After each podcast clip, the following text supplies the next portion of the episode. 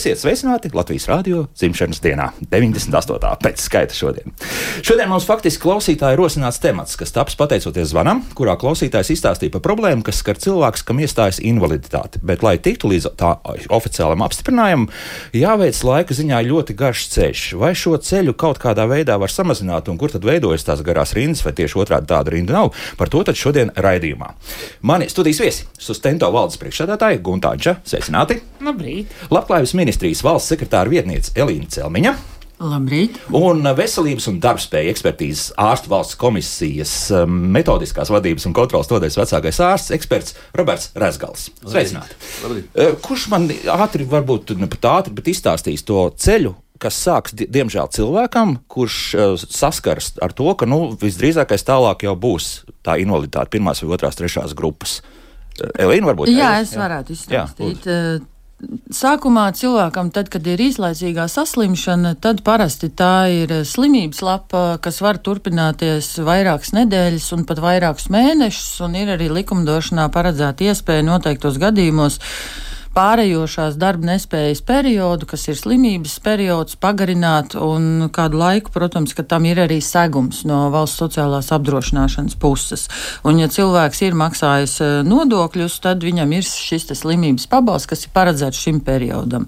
Savukārt, ja traucējumi ir tādi, ka cilvēks nojauš, ka viņi nemainīsies, nekur nepazudīs, un tā varētu būt invaliditāte, tad parasti to arī ģimenes ārsts redz un secina, kurš sagatavo nosūtījumu uz komisiju, lai izvērtētu cilvēka situāciju, funkcionēšanas ierobežojumus un lemtu par invaliditātes statusu piešķiršanu.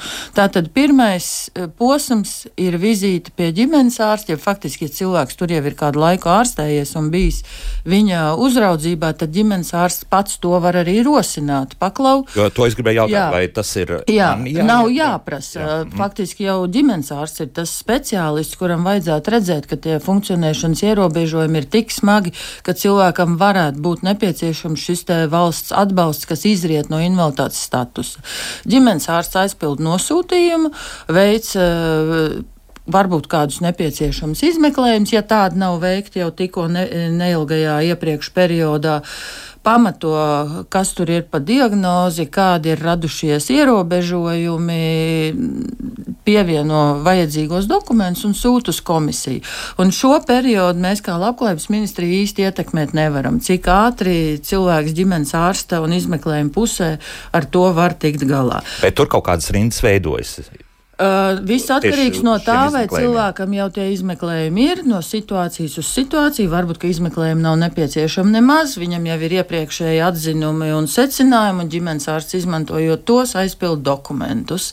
Varbūt, kad ir kāda situācija, ka kāda izmeklējuma ne, man nezinām iemeslu dēļ iepriekš nav veikts, bet tagad sūtot uz komisiju, ģimenes ārsts lemj, ka tomēr veiksim. Un tad cilvēkam to var nākties pagaidīt. Rindas droši vien veselības pusē ir atkarīgs no gadījuma uz gadījumu no vietas uz vietu Latvijā un no slimības uz slimību. Komisijā savukārt saņemtie iesniegumi ir pēc likuma jāizskata vienu mēnešu laikā. Uzreiz godīgi atzīstot, ka šis mums ir ļoti liels izaicinājums, jo iesniegumu skaits turas gana augsts pēdējos pāris gadus. Mums pat ir bijuši periodi, kad ir pieņemta speciāla norma, ļaujot pagarināt iepriekš pieņemtā lēmuma periodu, cerot, ka tas var ļaut akumulēt situāciju un komisijai vieglāk tikt ar to galā. Bet, nu, pamatā 96% gadījumu komisija arī tajā vienā mēnesī iekļaujas. Jā, jā. Un jā. tie uzreiz skaitļos runājot, tie ir ļoti lieli skaitļi. Mēnesī 5,5-6 tūkstoši. tūkstoši jā, un tas jā. ir tie arī tie, kuriem ir atkārtot faktiski. Jā, jā. Jā, jā. pirmreizēji un atkārtot. Mm. Gadā kopumā tie ir starp 60 un 70 tūkstošiem iesniegumu. Jā, un tad tālāk. Komisija izvērtē, tur ir divu pakāpju lēmumu pieņemšanas process. Ir ārsts eksperts, kurš sagatavo šo ekspertīzes aktu. Pārsvarā gadījumu tas notiek šobrīd neklātienē, bet var būt situācijas šaubīgos gadījumos, nepietiekams informācijas gadījumos, kad komisija var aicināt cilvēku ierasties uz ekspertīzes klātienes sesiju. Mhm. Un tad ar vecākais ārsts eksperts, kas jau ir valsts amatpersona, pieņem lēmumu. Tā teikt, mums ir četru acu princips nodrošināts. Lēmums tiek paziņots cilvēkam tādā veidā, kā viņš to ir vēlējies, vai nu pats saņem klātienē, vai nosūta ierakstītā sūtījumā, vai paziņo ar e-parakstu vai Latvijā LV.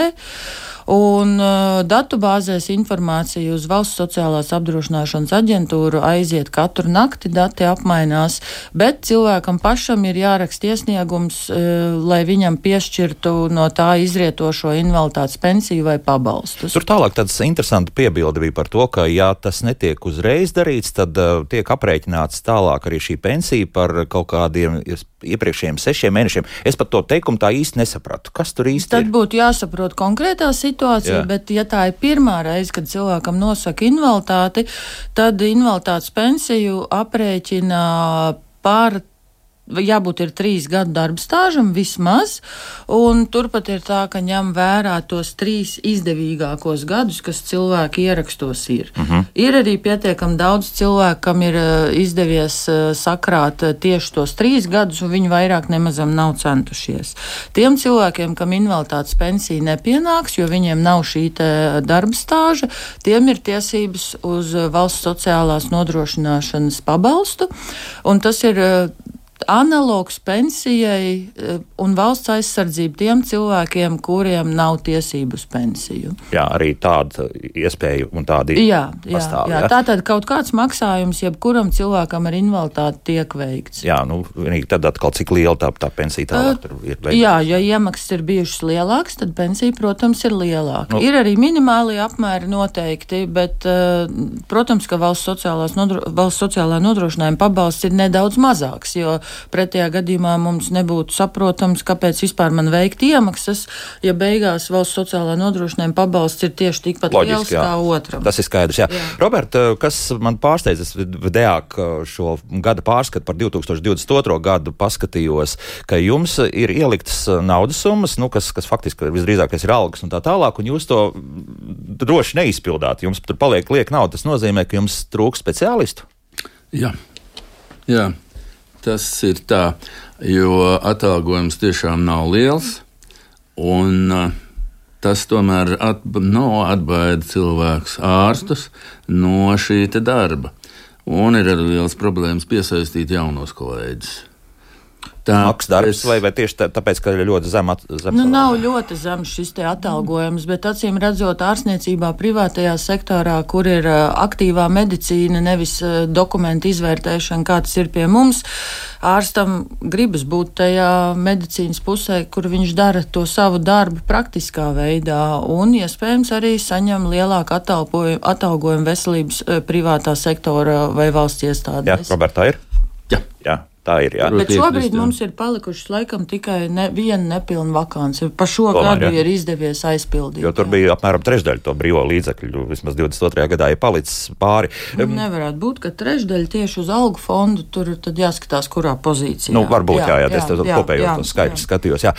Un tad uh, apmēram tad cik mēneši tādā ideālā variantā trīs mēneši tas varētu būt no, no, faktiski, Nē, no ģimenes 90, ārsta. À, no ģimenes, no ģimenes ārsta. ārsta jā. Vizītes. Es gribētu teikt, ka komisija izskatot šos dokumentus, nosūtījumu un vispārējo, uh, skatās uz to, lai šie funkcionālie traucējumi, kas ir radušies uh, cilvēkam, lai viņi būs stabili.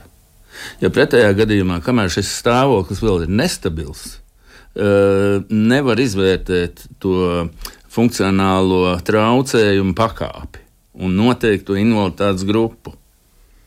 Līdz ar to ir jāgaida, nu, dažkārt ir seši mēneši, dažkārt oh. tas ir gads. Bet, kamēr šie funkcionālie traucējumi stabilizēsies. Un te tā loģika arī izveidojas, kamēr viņi ir nestabili, kam ir akūtais ārstniecības un pēc operācijas periods vai pēc traumas periods, tikmēr ir šis pārējošās darba nespējas periods ar slimības lapas segumu. Pēc tam uh, situācija ir stabilizējusies, uh, vienalga vai ar traumas vai bez traumas, bet ir stabila situācija, un cilvēks saprot, ka te nekas nemainīsies, un te var būt runa par nepārējošu darbnespēju. Tur ir tā robežšķirtne pārējošā, īslaicīgā darbnespēja un nepārējošā, kas jau ir invaliditāte. Tas nozīmē, ja cilvēks iepriekš dzīvojis no rokas mutē, tomēr tie ienākumi kaut kādi bijuši, un pieņemsim, tomēr arī kaut kādas sociālās iemaksas maksāts, tad ir kaut kādi 3, 4, varbūt pat vairāk mēneši, kur ienākumi tad viņam nav vispār. Nu, tā varētu sanākt. Jā, jo nu, nē, slimības lapā jau arī beidzas. Nu, tajā brīdī viņš jau tiek uz komisiju. Ja tiek. Nu, kāpēc lai viņš netiktu? Kāpēc lai viņš netiktu? Nu, labi, jā, Guntu tagad iesaistīsim sarunā, jo Guntu bija mums konsultants, vai vispār ir par to vērts runāt vai nē, un Gunta teica jā. Jā, es teicu jā, un tajā brīdī, kad es teicu jā, es mēģināju arī aptaujāt sev tuvākos cilvēkus dažādos veidos. Un droši vien, ka parādījās vairākas uh, lietas, ko cilvēki saka. Pirmā lieta, protams, ir tas šīs ilgais izskatīšanas laiks. Un cilvēki saka, ka nu, viņi jau mēģina iesniegt gan trīs vai divus mēnešus iepriekš, un tā tālāk, un tā tālāk, tajos brīžos, kad uh, grupa tiek pārskatīta no jauna. Uh, Vēl viena liela problēma, kas laikam neatiecas tomēr uz labklājības ministriju, ir šie papildus izmeklējumi. Papildus izmeklējumi, jo ļoti bieži cilvēki saka, ka viņus sūta pie ārsta, kuru nevar aiziet tik ātri, cik ātri vajag tieši tādēļ, ka nevar pierakstīties. Un tad ir jāiet uz uh, maksas konsultācijām. Un tas atkal. Vairāk cilvēki man ir teikuši, ka tas maksā 80, 90 eiro aiziet pie kāda no speciālistiem. Lai... Šajā brīdī man vienmēr gribas jautāt, ja tas ir iemesls, kāpēc viņus sūta, sūta uz invaliditātes ekspertīzes komisiju, tad kāpēc šis izmeklējums, kas ir saistīts ar to iemeslu, kāpēc viņi sūta uz komisiju, ārsta un cilvēka rīcībā nav jau šajā brīdī? Jo pēc būtības jau ārsts cilvēku ārstē eh, pēc tām metodēm, kā viņš uzskata par nepieciešamu. Ka tas izmeklējums nav vajadzīgs komisijai. Tas izmeklējums ir vajadzīgs cilvēku ārstēšanai. Komisijai vajag zināt, kas ir darīts un kādas ir sekas. Kāpēc tas nav bijis vajadzīgs iepriekš? Bet tur tiek rakstīts par izmeklējumu. Es skatījos, jā, tiek, jā. bet viņiem būtu jābūt slimības vēsturē pēc definīcijas, ja jau tas ir saistīts ar tā cilvēka ārstniecību. Nevis sūtīt uz izmeklējumu, tajā brīdī, kad nolēma sūtīt uz ekspertīzes komisiju. Man tur ir maz tāda. Nu, jā, droši vien mums vajadzēja jā. kādu pārstāvu šeit jā, no, jā. es teiktu, ģimenes ārstiem. Ģimenes ārsti, jā, tie, kur kuri, kuri ir tie, kuri sūta, jo man ir arī sajūta, kad kā par ģimenes ārstiem runājot, ka viņi pirmkārt nevienmēr saprot, ko nozīmē invaliditāte, nevienmēr. Uh, jūs man piekritīsiet, nevienmēr māk aizpildīt to, ko ir jāizpilda. Jo arī ļoti daudz cilvēku ir teikuši, ka uh, es sēžu blakus ģimenes ārstam un stāstu, ko man tur vajadzētu ierakstīt, lai komisija saprastu, kas ir, jo ir jau tā situācija, ko arī minēja Elīna, ka uh, ļoti daudz kas notiek attālināti. Tas nozīmē, ka komisija reālo cilvēku neierauga. Uh, komisija ierauga tikai tos papīrus, kas ir atsūtīti. Un, ja un tas savukārt nu, nozīmē Jā. to, ka tiem papīriem jābūt labiem. Tiem papīriem Salasāmiem. Jābūt, salasāmiem, un viņos jābūt tai informācijai, kurai ir jābūt. Un, ja tie ārsti to neieraksta, tad uh, cilvēks sanāk ķilnieku lomā. Un tad process ievelkas, jo tad, tad komisija jā, vēršas tā. atpakaļ pie ārsta. Jā, pie, pie kur ārsta, pie ģimenes ārsta? Pie tā, kurš ir sagatavojis nosūtīt. Jā, jā es teiktu, visvairāk problēma ir ar ģimenes ārstiem, jo tajā brīdī, kad cilvēks nonāk pie speciālista, tad speciālists jau lielā mērā saprot, ko tur rakstīt. Nu. Nav tā, droši vien. Roberts atkal ir iebildījis. Nevienmēr, nevienmēr. Uh, tas, ka ārsti, ne tikai ģimenes ārsti, bet arī ārsti konsultanti, nu īsti labi neizprot, kā jūs teicāt, to jēgu. Uh, komisija skata cilvēku funkcionēšanas ierobežojumus. Komisija nevērtē tās diagnozes, jo pie vienas diagnozes var būt dažāda, dažādas smaguma pakāpes, eh, funkcionālie traucējumi. Tādēļ tā diagnoze nav izšķirošais. Bet, ja komisija saņem dokumentus no ģimenes ārsta vai konsultantu slēdzienus, kurā ir diagnoze un ārstēšana, -hmm. kā tas palīdz komisijai izvērtēt funkcionēšanas ierobežojumu. Nu, labi, tūlīt reku mums ir mūsu radioklausītāja Andi ir uzrakstījusi visu burtiski pa plaukstiņiem. Vai ģimenes ārsts, ārstus pacientu nosūtīšana deaks kar materiāli, ķirurgs ārstēšanas gaitā problēmas ar kājām, esmu pirms pensijas vecumā noteica, ka viņa ieskatā man būtu nosakāma invaliditātes grupa, bet tas esot ģimenes ārsta kompetencē. Ģimenes ārsts šo informāciju rēģēja tik ar visiem tagad grūti tas ielikts pēdiņās. Vienmēr sakot, nu, tāds, tāds pagrieziens. Pagaidām nevajag, laikam, es saprotu tā, ka nekāda tālākā virzīšana uz faktiski uz komisiju nenotiek. Nu, parasti tomēr tas ģimenes ārsts ir drīzāk kā, ka sūtīt, pat ja viņš nav līdz galam drošs, nekā ka nesūtīt. Jo, ja tā var palīdzēt cilvēkam, tad viņi to parasti arī dara. Bet iespējams, ka ģimenes ārsts no savas pieredzes un citiem gadījumiem, kas ir viņa rīcībā, mums ir arī semināri, metodikas un vēl sazina kādi pasākumi, viņš tiešām kompetenti spriež, ka šis gadījums nav tas, kur varētu tikt noteikta invaliditāte un eksperta konsultanta slēdziens bija mazliet tāds pārsteidzīgs. Tomēr, jā, jā. jo materiālo situāciju ģimenes ārstam tas nekādi neietekmē. Nē. Vai ir? Nē.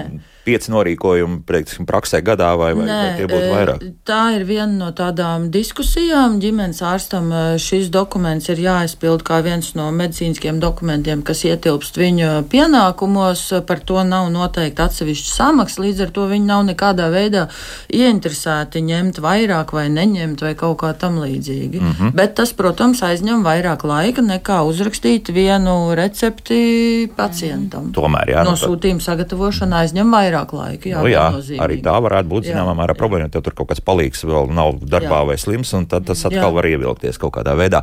Vēl, eh, ko es pamanīju, ka tiek kaut kā īpaši izcelts arī tas, ka ja, tā, ja šī faktiski bijusi darba trauma, kaut kas mainās no tā. Uh, jā, uh, ja tas ir uh, arodslimība vai nelēms gadījums darbā, tad tas ceļš ir mazliet cits. Gala beigās vienalga tā ir invaliditāte, bet uh, tā ir mazliet cits cēlonis. Tad tā ir uh, arodslimība vai nelēms gadījums darbā, un tam ir arī no sociālās apdrošināšanas puses uh, cits uh, atvietojums, cits segums, cita pensija. Un tad jau cilvēkam uh, ir iesaistīts nevis tikai ģimenes ārsts, bet arī arodārstu komisija, eh, kura vērtē šo saikni eh, tiem traucējumiem ar konkrētā darba pienākumiem, to cēloņu sakarību. Un tad, ja tāds ir, eh, tad caur ģimenes ārstu cilvēks nonāk pie dokumentu nosūtīšanas komisijai. Tas, jā, Robert, jā. Es gribētu vēl piebilst, ka ne, nevienmēr arodas saslimšana vai trauma darbā noved pie invaliditātes. Mm -hmm. To izvērtē komisija. Un tur tas uh, mm, darbspējas zaudējuma procents var būt zem 25%, kas nozīmē, ka invaliditātes nav. Tātad, jā, nu, Pie ļoti viegliem, jā, jā, pie ļoti viegliem traucējumiem var būt tā, ka darodārs komisija saka, jā, šai te saslimšanai ir saistība ar darbu, bet tā pakāpe nav tik nozīmīga, lai noteiktu invaliditātes status. Un tā dara arī citur pasaulē, arī pie pašas invaliditātes.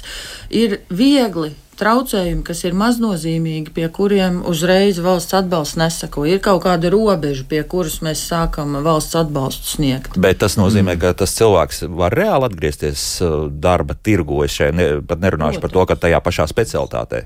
Tas, šie, tas faktiski Paties. tur nav problēmas, ka tikai kaut kāda birokrātiska iemesla dēļ mēs atstājam aiz borta cilvēku, kurš nespēja tālāk vienkārši Mums strādāt. ir ļoti liela daļa cilvēku, kuriem ir invaliditāte arod, ar arodslimības cēloņu, kuri pat turpina strādāt līdz šinējā darbā, kas pat šķiet mazliet neloģiski.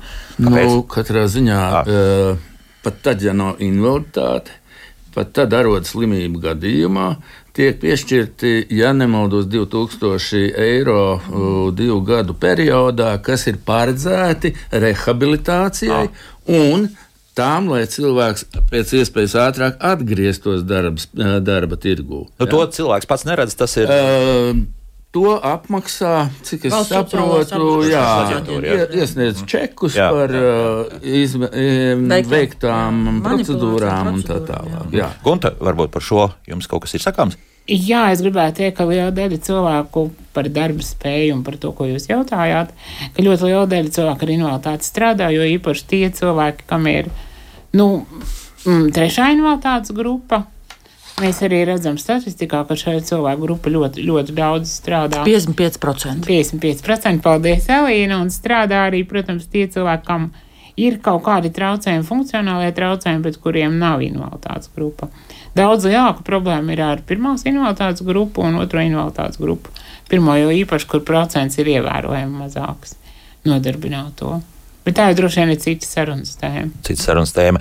Es domāju, ka laiks arī šobrīd mūzikai, un pēc tam skatīsimies arī, ko mums klausītāji jautās. Joprojām mūsu mājaslapa darbojas Latvijas radio.clv. Tur tālāk atrodiet radio viens un raidījumu, kā labāk dzīvot. Rakstiet droši, un uh, es domāju, ka studijas tāluņus arī iesaistīsim, jo proti vēl vien pa- pamanīju tādu lietu, ka saskarsmē ļoti daudz izmanto tomēr iespēju iesniegt faktiski arī dokumentus, nu tomēr tieši, jo, jo tas procents, kas bija nu, kaut vai apstiprināts ar e-parakstu, kaut kāda nieka 3% mm -hmm. no visiem gadījumiem. Ja? Tas arī par kaut ko liecina. Uh, jā, viennozīmīgi šī iestāde nav tā, kuras klienti prot, spēj un izmanto e-pakalpojumu sniegtās iespējas.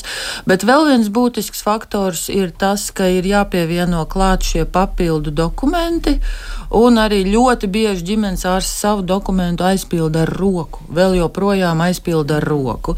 Tātad tie ir skanēti dokumenti, un lai tādus nosūtītu, ir jābūt zināmām prasmēm, iemaņām un varbūt kādai ierīcei, ar ko to izdarīt. Tad, kad ir e-iesniegums tikai nozaudēts invaliditātes apliecības izsniegšanai vai lēmumu apstrīdēšanai, tad šo e-iesniegumu skaits īpatsvars ir daudz lielāks. Tālāk. Mūzika un pēc mūzikas turpināsim mūsu sarunu. Kā labāk dzīvot? Jā, šodien mēs uh, šķietinām gan sarežģīto, un uh, tomēr arī laika ziņā pietiekami ilgo ceļu, kad cilvēks traumas gadījumā tomēr kļūst par invalīdu, un lai tas oficiāli tiktu apstiprināts, lai arī šī invaliditātes grupa tiktu piešķirta.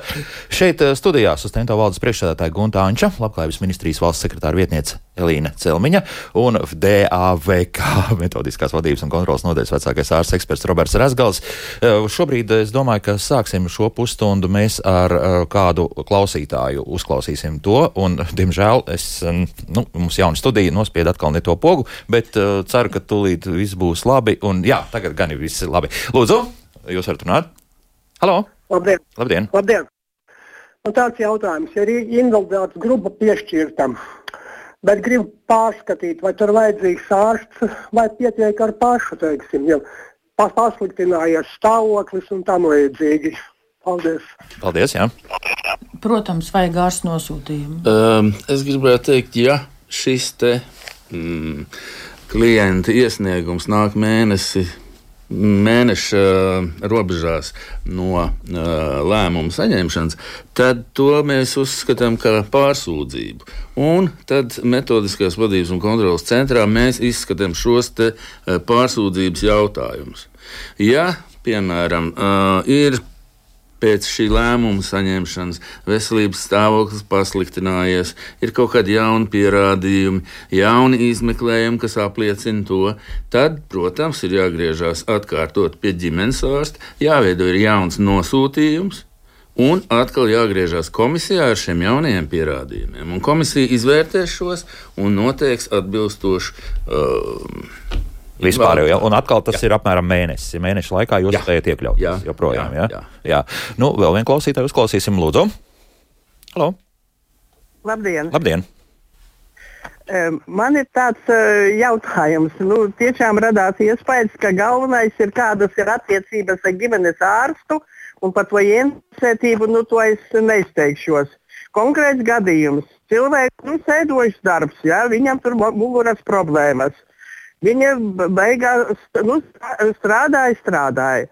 Beigās visi bija pārsteigti, ka viņa noformējas invaliditāti un turpina to pašu darbu strādāt nu, sēdoša darba cilvēkiem, kam nav muguras problēmas. Tātad, vai, tas ir tomēr maksa budžeta nauda, visu, tad jau mums drīz tas otrais būs invalīds. Vai nav tomēr tur pārāk vienkārši atsevišķos gadījumos? Sakiet, kura grupa tad, ja nav noslēpums, tur tika piešķirta? Oi, ziniet, es tagad nepateikšu, ja, bet nu, jebku, jebkurā gadījumā, nu, nu, ja cilvēks strādā un turpina strādāt. Jā, domu sapratām. Jā. Nu, jā, mūsu radioklausītāji varbūt neuzmanīgi klausījās. Mēs teicām, ka trešās grupas invalīdi gan arī puse turpina darbu, jā, un kas, kas patiesībā ir labi. Mm -hmm. Kas patiesībā ir labi.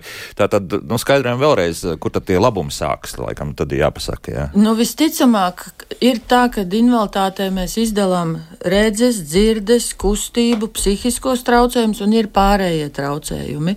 Un tādas iekšējās neredzamās saslimšanas uh, arī var variēt no ļoti vieglām līdz ļoti smagām. Tā ka ārēji mums šķiet, ka kas tam nekas viņam nekaiš, lai tik saņemās un strādā, bet iespējams iespējams, ka kaišu gan tikai no ārā to nevar redzēt. Un uh, komisijas ārsti tāpēc ir neatkarīgi un speciāli apmācīti, un viņi šo situāciju vērtē. Bet, uh, protams, ka daļa uh, gadījumu ir atkarīga arī no cilvēka paša tāda iekšējā dzinuļa. Vai es gribu būt vesels, vai es daru to, ko man ārsts ieteica, vai es turu sevi formā, sekoju norādījumiem un gribu saglabāt savas darba spējas un daru. Nu, gribu dzīvot ar pilnu krūti, nevis būt atkarīgs tikai no uh, piešķirtās sociālās sistēmas maksājumiem. Uh, šis faktors arī spēlē zināmu lomu un ne tikai Latvijā. Tā tas ir. Jā, bet teikt, ka lūk, cilvēks ir atgriezies darbā, Tas nav pamatoti teikt, ka tā tad invaliditāte nebija jānosaka. Jā. Pat otrās grupas gadījumos mums ir ap 30% cilvēku, kurš strādā. Mm -hmm. Gunta, nedgodprātīga invaliditātes izmantošana mums ir raksturīga vai, vai valstī tas tā nav problēma galīgi? Es domāju, ka cilvēki ir ļoti dažādi un droši vien, ka dažādas situācijas arī var būt. Bet es vairāk gribētu piekrist tam, ko teica Elīna Celmiņa, ka uh, mēs Latvijā ļoti maz runājam par šo neredzamo invaliditāti, par ko patiesībā pasaulē un arī Eiropā runā daudz, daudz vairāk. Un šie cilvēki, mēs palasām, ko par viņiem saka un ko viņi paši saka, tad tie ir tie cilvēki, kas saka, ka viņi jūtās visi sliktāk. Jo tad, ja tev invaliditāte ir redzama, piemēram, tu esi ratiņkrēslā, tad ik viens saprot, o, jā, tev pienāks invaliditāte un viss kārtībā. Bet tajā brīdī, ja tev ir ļoti smaga invaliditāte, jūties ļoti slikti, bet no ārpuses tu no rīta izmazgā matus, uzkrās acis un uz darbu. Tad eh, ļoti bieži tev saka, ah, nu, ko tu, tu izdomā? Nu, tev tā kā viss ir kārtībā. Un to neredz. Un es pat varu teikt, ka ir tāda īpaša kustība, kas saucas saules puķis kustība, gan Eiropas Savienībā, gan pasaulē, kur cilvēki lieto īpašu kartīti ar saules puķi, lai parādītu, ka viņam ir slēptā invaliditāte. Un lai apkārtējie saprot, ka nu, nav tik ļoti kārtībā. Un tas nozīmē, ka ir arī daļa sabiedrībā esoši cilvēki, kas invaliditāti tieši tādu iemeslu dēļ nenokārto, lai Jā. neizliktos sliktāk. Vai izliktos sabiedrības acīs labāk? Tā, jā. jā, es domāju, ka ļoti liela daļa nenokārto un liela daļa eh, nesaka, ka viņam ir invaliditāte. Jo mums ir ārkārtīgi liela pieredze ar to, ka cilvēki īpaši darba devējiem nestāsta, ka viņiem ir invaliditāte ar domu, ka. Uh, attieksme pret viņu būs atšķirīga brīdī, kad viņi to pateiks. Jā. Tā ir vēl viena no problēmām. Klausāmies tālāk klausītājs. Šajā gadījumā klausītājs, kam uh, tālrunis beidzas ar 5-4-0, jo mums ir pieslēgti vairāki. Lūdzu, jūs varat jautāt? Labdien! Labdien. Man savukārt ir tāds netradicionāli pretējs variants. Sakiet, lūdzu, ja ir noteikti attēlināta invaliditāte uz garīgo saslimšanu, bet tas pilnīgi neatbilst nekādam patiesībai, Jo tad, kad um, cilvēks redzēja tos papīrus uz kādu pamatu, nu, tur, tur, tur ir pilnīgi tā, ka nu, viņš ir dārzenis. Nu, viņš, principā tā cilvēks grib tikt no šīs invaliditātes vaļā. Vai tas ir iespējams? Jo nu, Jā. nav tur problēmas tādas, kā tur ir sarakstīts. Sarakstīts. Labi, paldies. Ļoti interesants jautājums. Ja, mazliet grūti saprast, kas tieši ir tā jautājuma būtība, bet uh, invaliditāti parasti nosaka uz uh, gadu, diviem, pieciem vai uz mūžu. Aptu, uh, šobrīd vēl ir pusgads, bet tas bet tiek praktizēts jā. ļoti reti, un mēs gribētu no tā atteikties, lai samazinātu šo slogu gan pašam cilvēkam, gan ārstam. Un eh, tad, kad tas periods beidzas, ja cilvēks neiesniedz atkārtotu dokumentus komisijā, tad invaliditāte izbeidzas. Statusa vairs nav. Uh, atņemt statusu tajā periodā, kamēr viņam vēl viņa ir, uh, nu, tas laikam tomēr nav iespējams. Ja jūs tā praktizējat? Um, nē, parasti tā nepraktizējam, jo te jāņem vērā tas, ka. Uh, Labi, cilvēks grib, lai viņam noņem invaliditāti, invaliditāte tiek noņemta, bet tad pēkšņi pēc pāris dienām vai stundām viņš izdomā, nē, man tomēr vajag to invaliditāti. Un kas tad notiek? Un, un, un kas tad notiek? Jā. Viss jāsāk no gala. Viss jāsāk no gala. Bet jautājums, kāpēc tas traucē? Cilvēkam nav nevienam jāsaka, ka viņam ir invaliditāte. Mm. Tās sistēmas, kas piešķir atbalstu, apmainās ar datiem sistēmā, un viņam nav nekur tā invaliditātes apliecība apkārt e, jādemonstrē. Viņš saņem atbalstu, ko valsts ir paredzējusi. Uh, attieksme ar apkārtējiem un darba devēju jau nemainīsies atkarībā no tā, vai viņam tā kartiņa ir vai nav. Nu, varbūt baidās kaut kāda datu noplūde vai kas tam līdzīgs. Nu, varbūt pašam tīri psiholoģiski grūti. Jā, tas ir tiesa. Jā, bet tad uh, tur drīzāk ir apkārtējo cilvēku, sociālās dienas, ģimenes ārstu un ģimenes locekļu darbs paskaidrot, ka pats invaliditātes status tev neko ļaunu nevar nodarīt. Tā tu tikai saņem paredzēto valsts atbalstu. Bet nu, jūs nerakstīsiet katrā gadījumā papīru, ka tagad jūs esat praktiski vesels. Jā, nu. Nu, protams, ne, tā, tā tas nebūs. Mēs veselības stāvokli komisijā nevērtējam. Mēs jā. vērtējam funkcionālos traucējumus. Veselības stāvokli vērtē bērniem līdz 18 gadu vecuma sasniegšanai. Pēc 18 gadu vecuma sasniegšanas tiek vērtēti funkcionālie traucējumi. Un tad dažkārt iznāk tāda, mm, tādas, tādas domstarpības, varbūt, vai, uh, kad bērns invalīds sasniedzot 18 gadu vecumu, vairs nav invalīds. Nu, ja? Ja? Absurds. No Jā, it kā absurds, bet ņemot vērā šos kritērijus.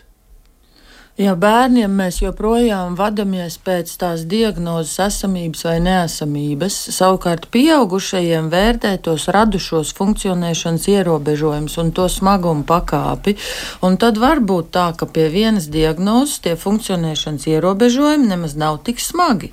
Un tad, vērtējot uh, cilvēku jau 18 gadu vecumā, viņi novērtē atbilstoši pieaugušā kritērijam. Tas ir droši vien cits stāsts un cits raidījums mums ir priekšlikumi arī bērnu invaliditātes kritēriju pārskatīšanai, bet uh, smagi virzāms jautājums. Jo... Un kritisks laiks, principā, arī jā, cilvēka jā, dzīvē. Jā, jā. Tas, jā, tas skaidrs, jā. ka tas ir jāsakārto un pēc iespējas ātrāk.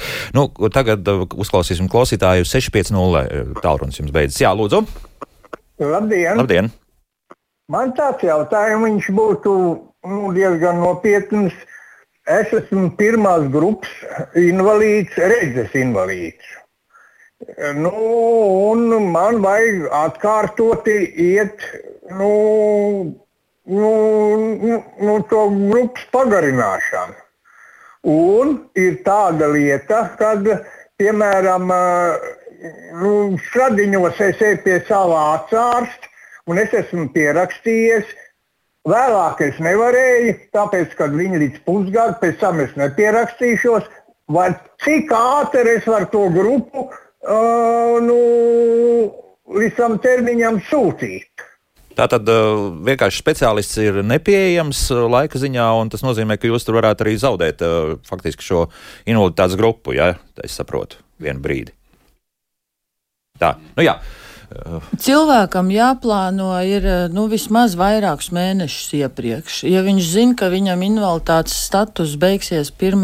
februārī, tad būtu vēlams dokuments iesniegt komisijā 1. janvārī. To drīkst darīt, jā? Jā, tas ir jādara, jā. jo citādi netiek dots komisijai šis mēneša laiks lēmumu pieņemšanai. Komisija izsniedzot lēmumu, tur ir apakšā uh, datumi no kura līdz kuram datumam ir invaliditāte. Un apakšā ir arī datumi, no kura līdz kuram būtu jāiesniedz jaunie dokumenti. Un tad no tā atskaites punkta cilvēks saprot, ah, zinu, ka tur būs jāgaida. Tā tad eju ļoti saulēcīgi pie ģimenes ārsta, lai tiktu pie redzes uh, speciālista un sagatavot nosūtījumu. Un mēnesis pirms man beidzas vecais invaliditātes periods, es varētu iesniegt dokumentus komisijā.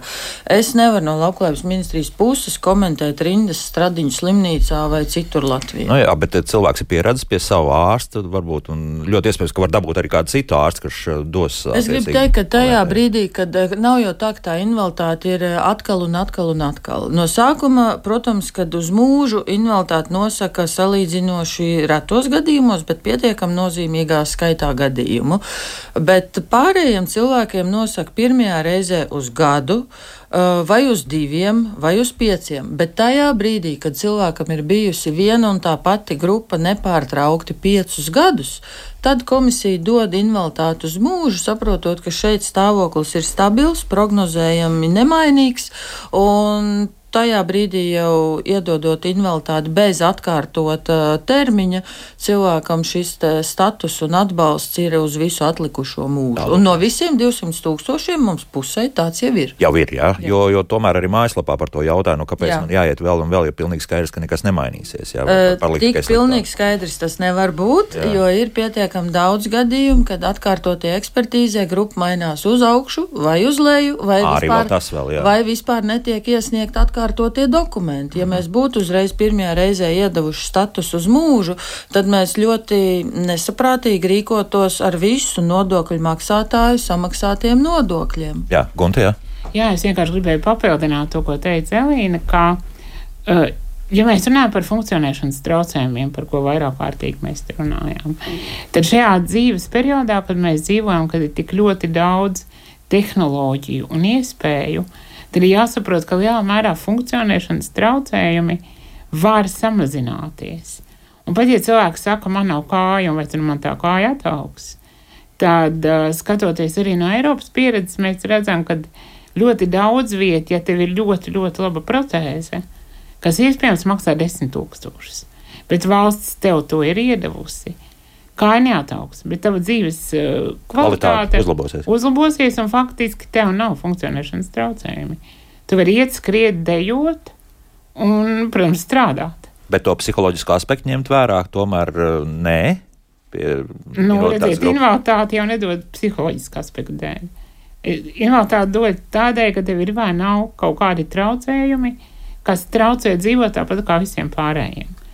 Tad, ja kāds nevar izdarīt to pašu, ko vispārējie, šim cilvēkam ir atbalsts, lai viņš vai nu varētu to izdarīt, vai nu varētu kaut ko nedarīt un dzīvot līdzvērtīgi. Mm, jā, par šo aspektu arī es nebiju iedomājies. Nu, vēl vienu uzklausīsim radio klausītāju.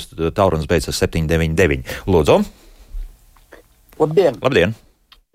Pirmā grupa uz mūžu ir asistents un ir aprūpe iedota. Kopš tā aprūpe tika nodibināta, ja nemaldos, 11. gads tas bija 213 eiro. Neviens cents pa to laiku nav pielikts klāt. Inflācija mums ir augusi un augusi. Kurš tev ies kaut kur, sevišķi laukos, kilometriem tālu, šitā te pa tādu naudu kādu aprūpēt. Nu, paldies! Jā, skaidrs, paldies! Es uztvēru, par ko ir jautājums. Tātad eh, asistentu pakalpojums mums eksistē kopš 2012. gada. Eh, nav ļoti labi apmaksāts, bet eh, mēs pagājušajā gadā un arī no nākamā gada 1. janvāra esam raduši iespēju tomēr to vienas stundas cenu palielināt. Tā ir viena lieta, kas bija kunga jautājumā.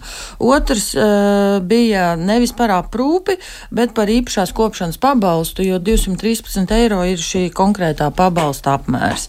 Tas ir pabalsts eh, cilvēkam naudas izteiksmē, un viņš var izvēlēties, ko viņš dara. Pērk eh, papildus paladziņus vai kādas ierīces vai eh, medikamentus, kuriem pietrūks no kompensējumajiem vai ko citu, vai samaksā par degvielu, lai kaut kur nokļūtu, vai samaksā kādam, kurš palīdz, tā ir cilvēka izvēle.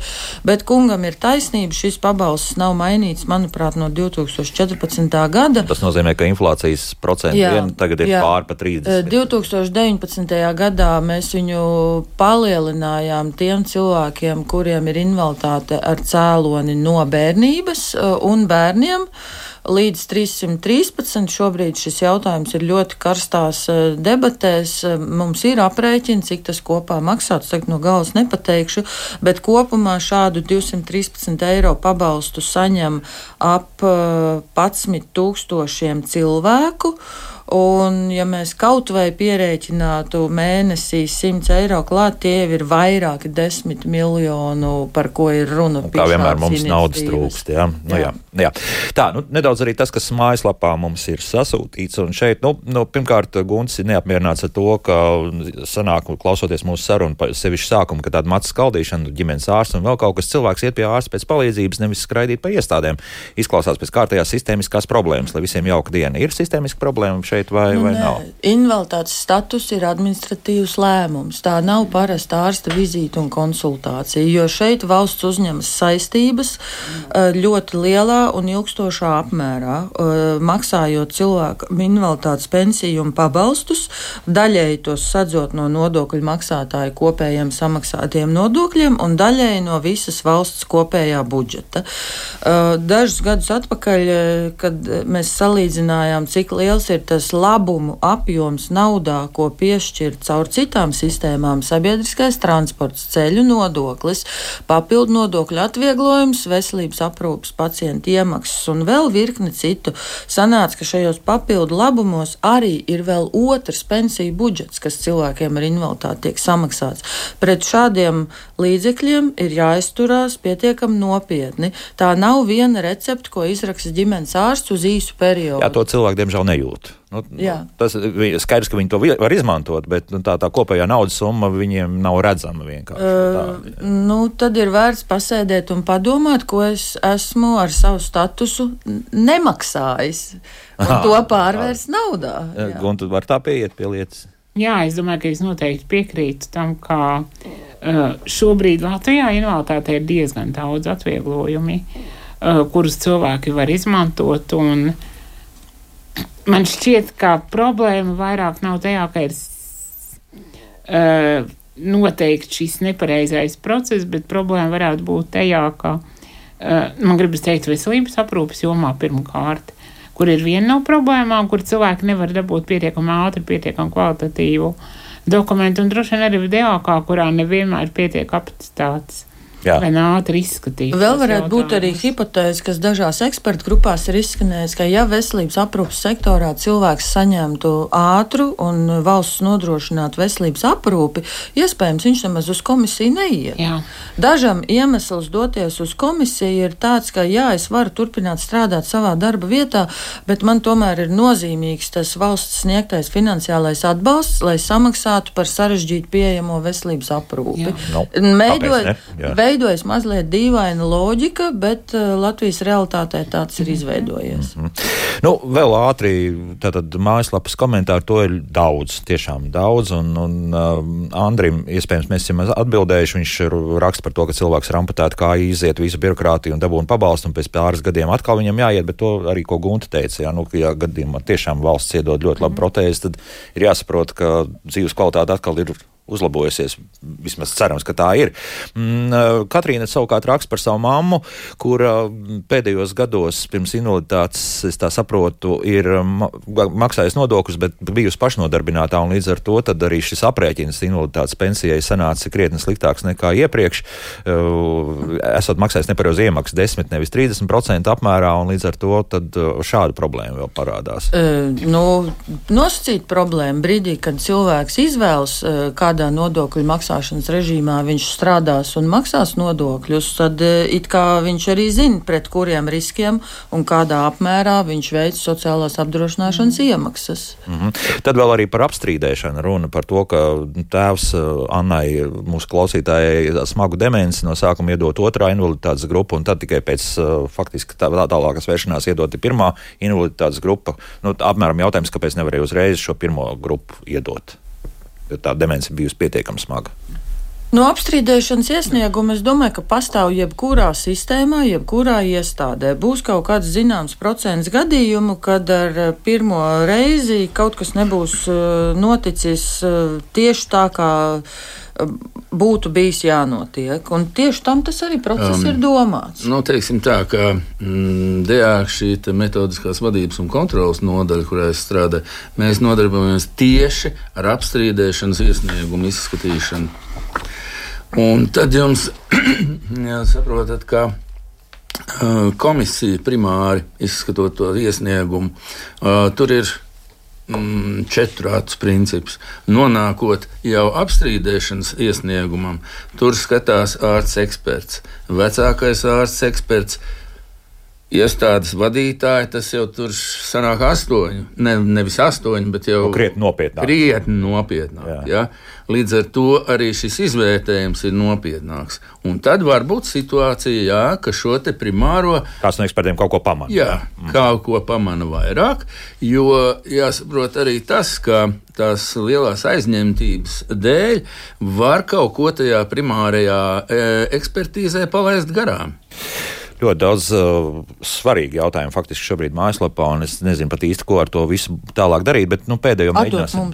jā, visdrīzākais, jā, tā būs arī jādara. Rota raksta speciālisti bieži vēlas formēt grupu jau uzreiz pacientiem, atrodoties sešus mēnešus uz darba nespējas lapas. Jautājums, vai nav par agru veikt to? Parasti sāk formēt, kad uz DNL atrodas tikai jau atrodas jau gadu. Nu, te ir vēlreiz jāpasvītro tas, ka invaliditāte nosaka tad, ja šie funkcionālie traucējumi ir stabili. Un ja pēc šī pusgada vēl ir redzams eh, pēc visiem uh, ierakstiem, ka uh, stāvoklis vēl nav stabils. Tur tāda kā uzlabošanās ir lēna, bet uzlabošanās notiek. Tas nozīmē, ka nav stabili šie traucējumi. Un tad tiek pagarināts līdz gadam, un tad jau skatās par šo funkcionālo traucējumu smagumu lai varētu izvērtēt invaliditātes smagumu. Tālāk, šodien mums tiešām jābeidz laika, vai vairāk mums nav. Es saprotu, ka šobrīd tāds slidinātākā vieta ir pats pats sākums, un ģimenes ārstam šeit ir atkal liela loma.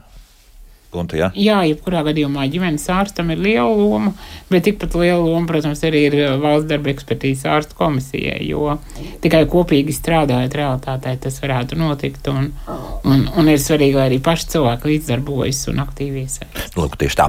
Sustento valdes priekšsēdētāja Gunta Anča, labklājības ministrijas valsts sekretāra vietniece Elīna Celmiņa un DAVK metodiskās vadības un kontrolas nodaļas vecākais eksperts ārsts, protams, Roberts Rasgals bija kopā ar mums. Paldies par sarunu!